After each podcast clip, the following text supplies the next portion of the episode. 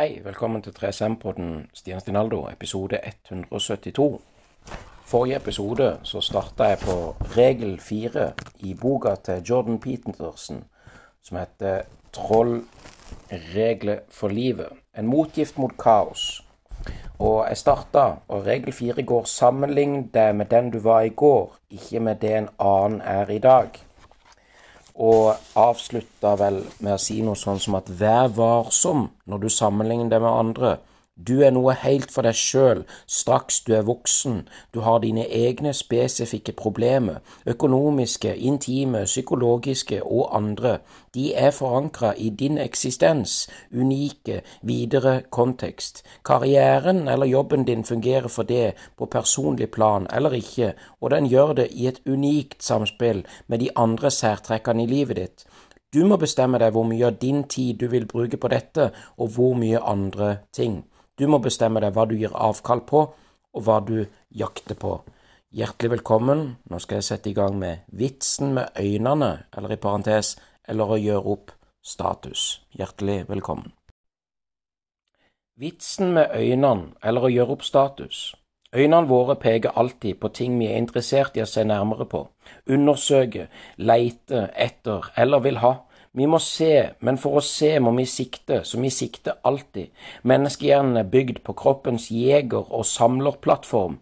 Å jakte er å utpeke et bytte, spore det opp og kaste mot det. Å samle er å utpeke og gripe. Vi kaster stein og spyd og bumerang. Vi kaster ball i kurve, slår puck i nett og skrur utskårne steiner langs isen mot horisontale blinker. Vi skyter prosjektiler mot med, med mot mål med bue, kanoner, gevær og raketter. Vi slynger ut krenkelse, lanserer planer og slenger ut ideer. Vi lykkes når vi skårer mål eller treffer målet. Vi bommer eller synder når vi ikke gjør det. Ordet synd betyr å bomme på målet. Vi kan ikke navigere uten noe å styre mot, og så lenge vi er i denne verden, må vi alltid navigere. Vi er alltid og samtidig ved punkt A, som er mindre ønskelig enn det kunne ha vært å bevege oss mot punkt B, som vi vurderer som bedre ut fra våre eksplisitte og implisitte verdier. Vi møter alltid verden i en tilstand av utilstrekkelighet og prøver å bøte på den.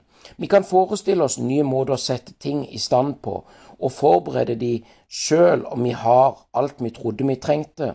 Selv når vi er tilfreds en stakkars stund, er vi fortsatt nysgjerrige. Vi lever innen en ramme som definerer fortida som en konstant mangelsituasjon, og framtida som en uendelig mye bedre.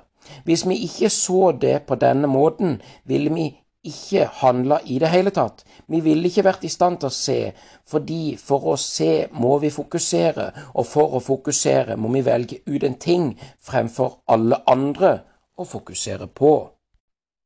Men vi kan se, vi kan til og med se ting som ikke er der. Vi kan se for oss nye måter å forberede ting på. Vi kan forestille oss nye, hypotetiske verdener der problemet vil ikke ante noe om, dukke opp og blir gjort noe med. Fordelene med dette er åpenbare. Vi kan forandre verden slik at nåtidens utholdelige tilstand kan rettes opp i fremtida.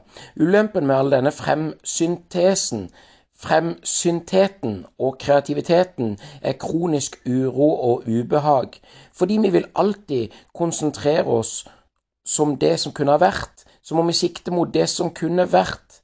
Men vi kan, men vi kan sikte for høyt, eller for lavt, eller for vilt, så vi mislykkes og lever i skuffelse, selv når vi i andres øyne har det bra.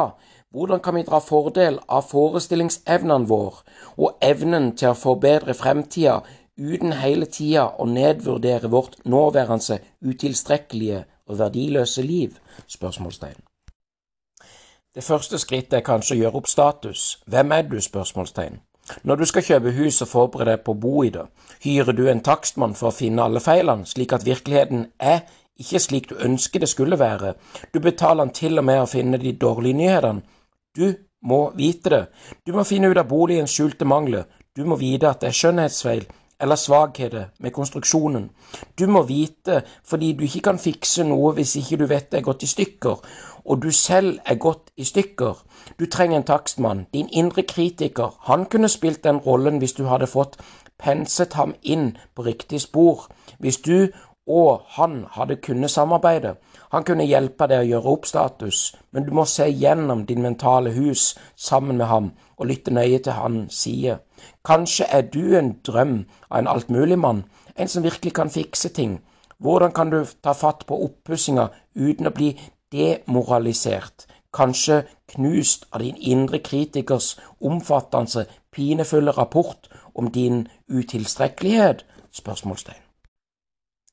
Her er et hint. Fremtiden er som fortiden, bare med en viktig forskjell. Fortiden er oppgjort, men fremtiden, den kan bli bedre. Den kan bli bedre, helt konkret. Det som kan oppnås kanskje i løpet av en dag med minimal innsats. Nåtiden er full av feil.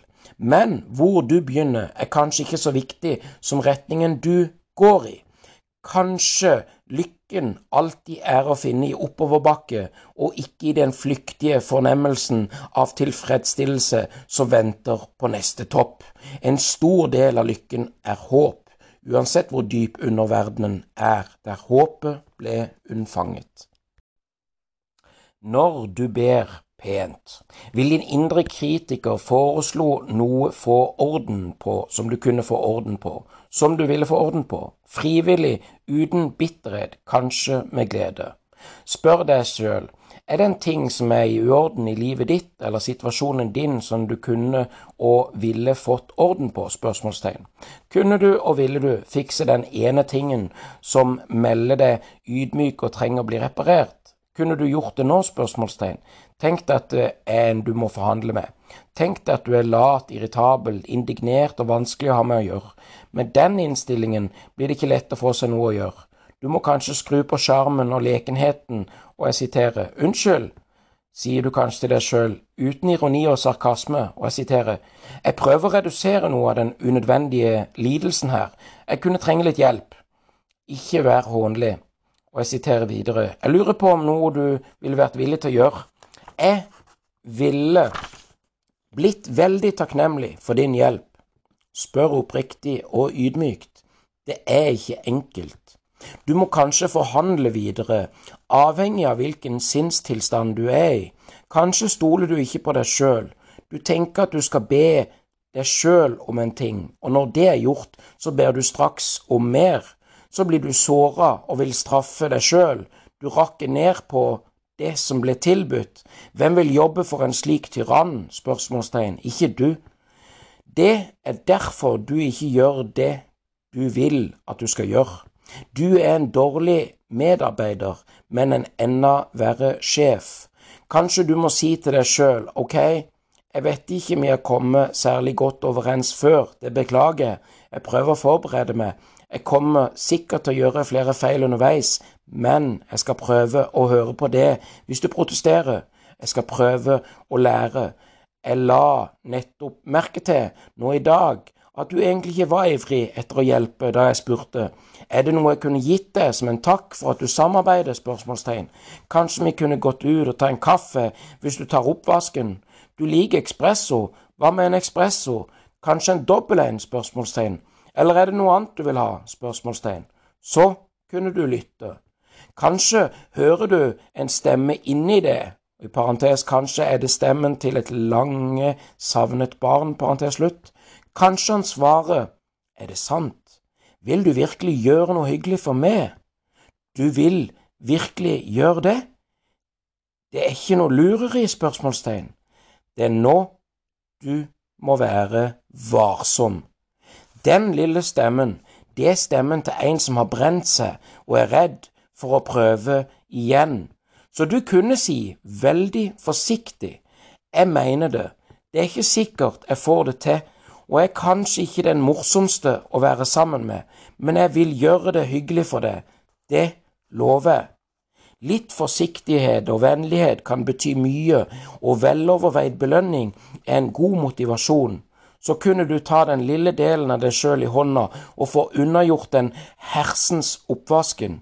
Men så bør du heller vaske badet og glemme kaffen eller filmen eller ølen, for da blir det enda vanskeligere å lokke fram den glemte sida med det fra underverdenens kritiker, kriker og kroker. Kanskje spør du deg sjøl, hva kunne jeg si til noen, en venn, broren min, sjefen min, assistenten min, som ville gjøre forholdet mellom oss litt bedre i morgen? spørsmålstegn. Hvilken del av kaos kunne jeg fjerne hjemme, på pulten, på kjøkkenet, i kveld, slik at scenen er klar for en bedre forestilling? spørsmålstegn. Hvilke slange kunne jeg bannlyse fra skapet mitt og fra sinnet mitt? 500 små beslutninger, 500 ørsmå handlinger, utgjør til sammen dagen din, og i dag og alle dager. Kunne du sikte inn én eller to av de mot et bedre resultat? spørsmålstegn bedre etter din egen mening, din egen individuelle målestokk? spørsmålstegn. Kunne du sammenligne dine spesifikke personlige morgendag med din spesifikke personlige gårsdag? spørsmålstegn. Kunne du bruke dømmekraften din og spørre deg sjøl hvordan en bedre morgendag kunne se ut? spørsmålstegn. Sikt lavt. Du vil ikke ta på deg for mye til å begynne med din begrensa talenter, din tendens til å lure dine plagsomme bitterhet og evnen til å unndra deg ansvar, så du setter deg følgende mål. Med dagens slutt vil jeg vise ting i livet mitt skal være bitte litt bedre enn i dag morges. Så spør du deg sjøl, hva kunne og ville jeg gjøre for å oppnå det, og hvilken liten ting vil jeg ønske meg som en belønning? spørsmålstegn. Så gir du deg den hersens kaffen i triumf, kanskje du føler deg litt dum, men du gjør det likevel, og du gjør det samme i morgen og dagen etter og dagen etter det igjen. For hver dag blir grunnlinjen din sammenlignet med litt høyere, og det er magisk. Det er rentens rente.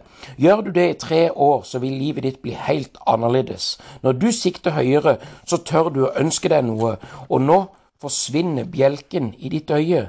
Du lærer å se det du sikter mot, bestemmer hva du ser. Det kan godt sies en gang til. Det du sikter mot, bestemmer hva du ser. Hva du ønsker og hva du ser. Det synet er avhengig av siktemålet, og derfor er verdiet fordi du sikter mot det du verdsetter, blir demonstrert på en uforglemmelig måte av den kognitive psykologen Daniel Simmons for mer enn 15 år siden. Simmons undersøkte noe han kalte varig uoppmerksom blindhet, han ba forskningsobjektene sette på foran en TV-skjerm og viste f.eks. en hveteåker. Så endra han bildet langsomt og i hemmelighet mens de så på. Han kunne langsomt feide inn en vei som skar gjennom åkeren. Det var ingen sti som var lettere å overse. Det var en stor vei som la beslag på drøyt en tredjedel av bildeflaten. Overraskende nok så var det ofte at den som så på, ikke la merke til det. Eksperimentet som gjorde Simmons berømt, var en av samme typen, men noe mer dramatisk. Nesten ikke til å tro. Først laga han en video av to lag med tre personer på hvert lag. Det ene laget hadde hvite skjorte, det andre svarte. I parentes, de to lagene var ikke langt unna heller, og, og ikke vanskelig å se. De seks personene fylte store deler av skjermen, og man kunne tydelig se ansiktstrekkene deres. parentes slutt. Hvert av lagene hadde en ball som de spratt med én eller kasta til hverandre mens de bevega seg og finta på den lille gullflaten foran heisen der opptaket ble gjort. Simmons viste videoen til deltakerne i studien. Han ba hver av de om å telle hvor mange ganger i de hvite skjortene kasta ballen frem og tilbake til hverandre. Etter noen minutter skulle de svare. De fleste svarte 15, som var det korrekte svaret. De fleste var fornøyd med å ha svart riktig. Ha! De klarte testen, men så spurte Simmons, så dere gorillaen? spørsmålstegn. Var det en fleip? spørsmålstegn. Hvilken gorilla? spørsmålstegn. Han ba de se videoen om igjen, og med denne gangen uten å telle, og sannelig etter et minutt, så dukka det opp en mann i gorilladrakt som går inn blant de ballspillende, stopper et par sekunder, slår seg på brystet, slik man antar gorilla gjør, midt i bildet, i naturlig størrelse. Pinlig og unektelig fullt synlig. Men annenhver deltaker i eksperimentet fikk det ikke med seg første gang de så videoen. Det skulle bli verre. Simmons gjorde et nytt eksperiment. Denne gangen viste han deltakerne en video av en som ble betjent med en disk. Ekspeditøren dukker ned bak disken for å plukke opp noe og reise seg opp igjen. Hva så? spørsmålstegn. De fleste deltakerne ser ikke det er noe som ikke stemmer. Det er en annen person som dukker opp fra bak disken, men det er opprinnelige. Ikke mulig, tenker du. Det ville jeg ha sett. Men det er mulig. Det er stor sannsynlighet for at du ikke ville oppdage forandringa sjøl om den nye personen i tillegg hadde vært et annet kjønn eller hudfarge. Du er blind, du også. Det er delvis fordi synet er kostbart, psykopsykologisk kostbart, nevrologisk kostbart. Bare en svært liten del av netthinnen er en høyoppløselig foeva, den svært sentrale, høyoppløselige delen av øyet som brukes til bl.a. å identifisere ansiktet. Alle de få foeva-cellene trenger 10 000 celler i synssenteret bare for å klare den første delen av det flertrinns synsprosessen. Så trenger hver av disse cellene 10 000 til bare for å komme til trinn to. Hvis hele netthinnen din var foeva, ville du trenge skallen til et romvesen fra en B-film for å få plass til hjernen. Altså, vi må prioritere når vi ser. Det meste av synet vårt er periferert og lavoppløselig. Vi sparer forever til viktige ting. Vi sikter inn høyoppløsningskapasiteten mot de få spesifikke tingene vi ser på. Alt annet, det vil si nesten alt, lar vi forsvinne ubemerka i bakgrunnen. Hvis du ikke er oppmerksom på, stikker det stygge hodet sitt frem på en måte Unnskyld. Hvis noe du ikke er oppmerksom på, stikker det stygge hodet sitt frem på en måte som direkte griper inn i din strenge, fokuserte nåværendsaktivitet, så vil du se det. Ellers er det ikke bare der. Balansen som Simons forsøkspersoner var opptatt av, ble aldri skjult av gorillaen eller de seks spillerne, fordi gorillaen ikke grep inn i det.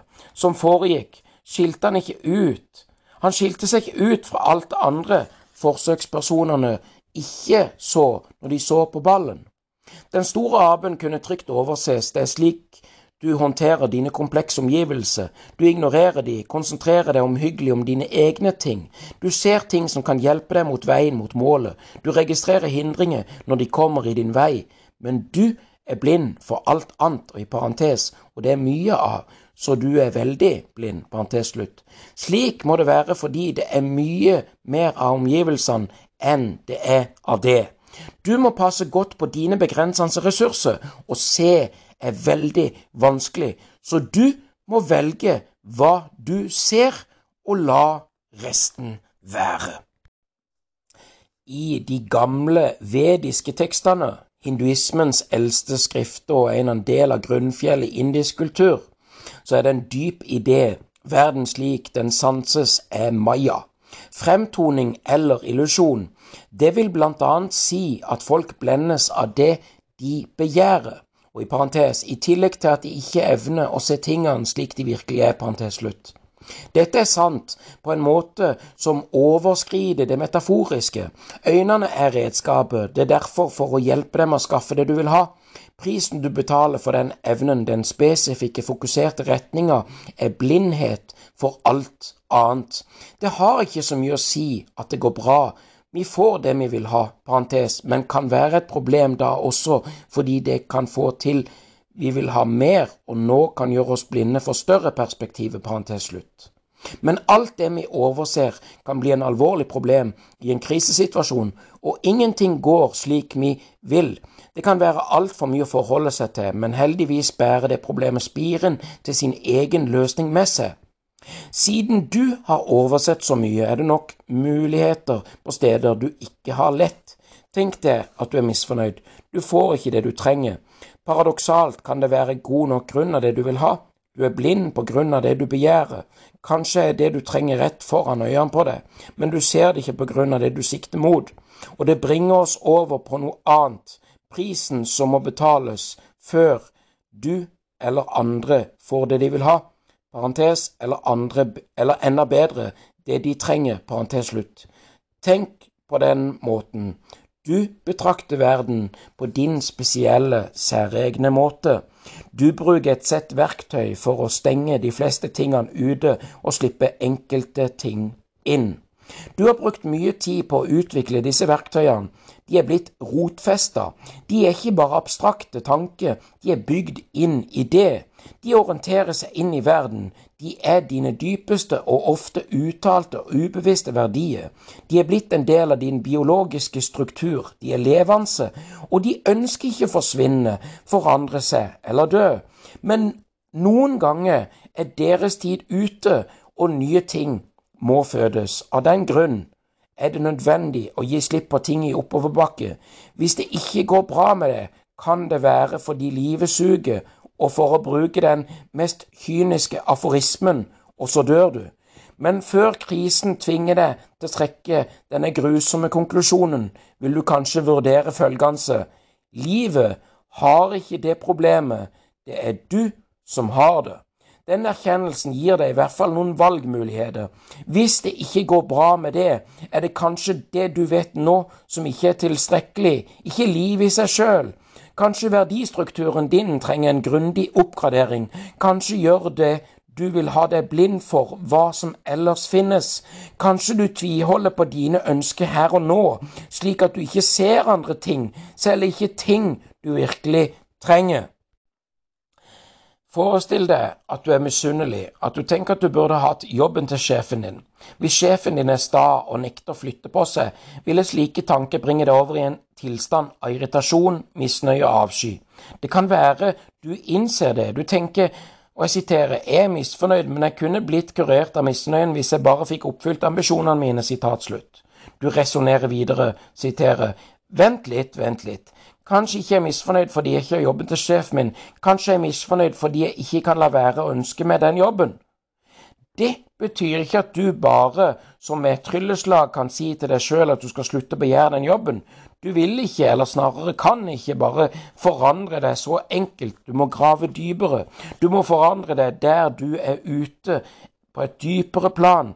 Da du tenker kanskje, og jeg siterer, jeg vet ikke hva jeg skal gjøre med denne dumme misnøyen. Jeg kan ikke bare oppgi ambisjonene mine. Da ville jeg ikke hatt noe sted å gå. Men det fungerer ikke at jeg lengter etter en jobb jeg ikke kan få. Sitat slutt. Du velger kanskje en annen taktikk. Kanskje du ber i stedet om å få lagt fram en annen plan, en som ville oppfylt dine ønsker og tilfredsstilt ambisjonene dine rent konkret, som ville fjerna bitterheten og misnøyen som du nå lider under.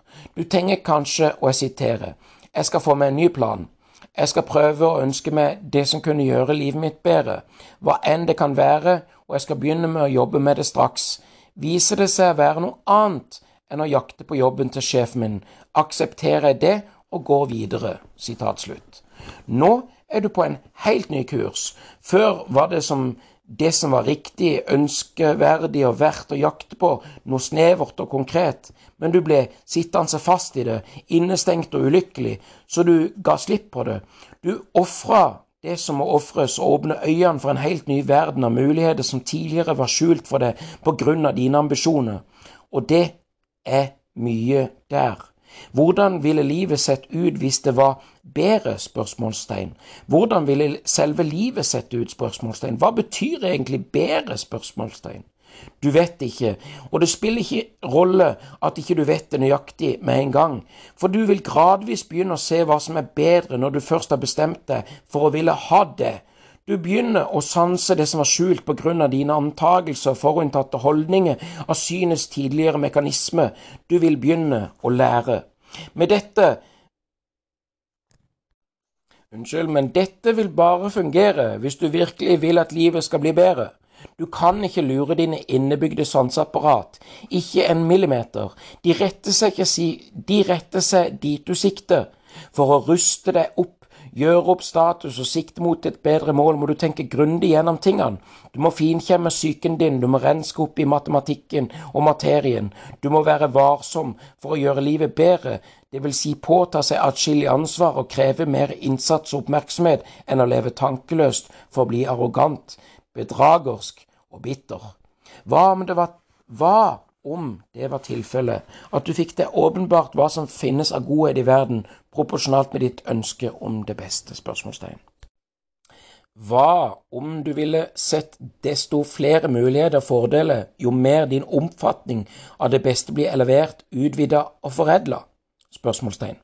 Det betyr ikke at du kan få det du vil ha bare med å ønske deg det, eller at alt er en feiltolkning, fortolkning, eller at ikke det finnes noen virkelighet. Verden er der fremdeles, med sine strukturer og sine begrensninger.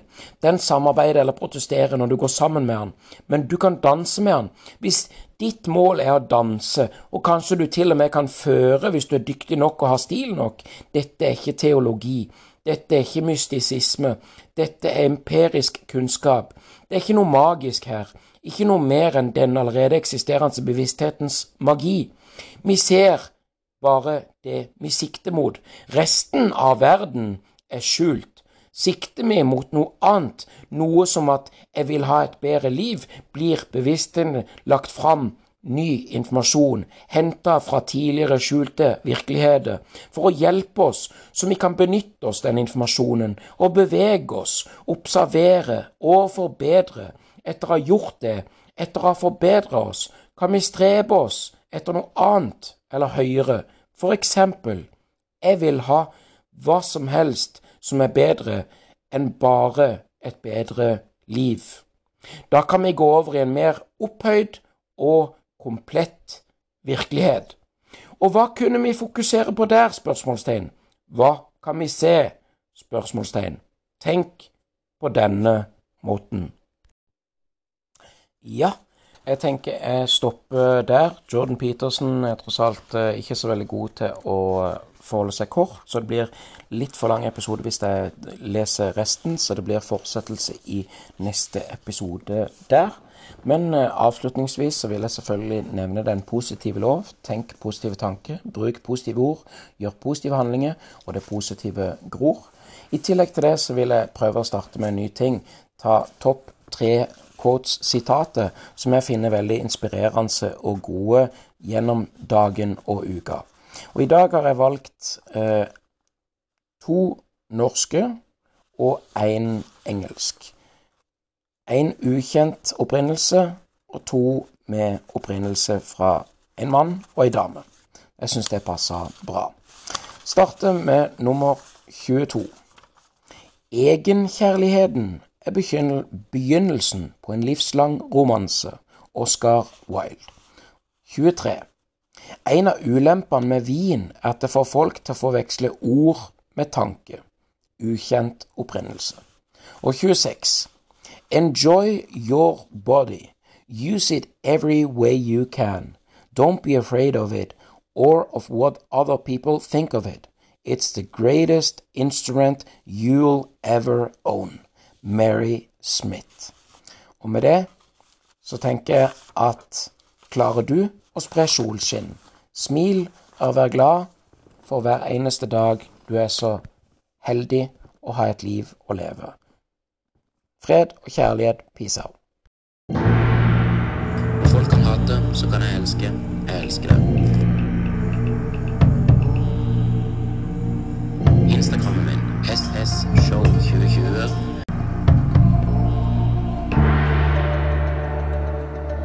Francisco.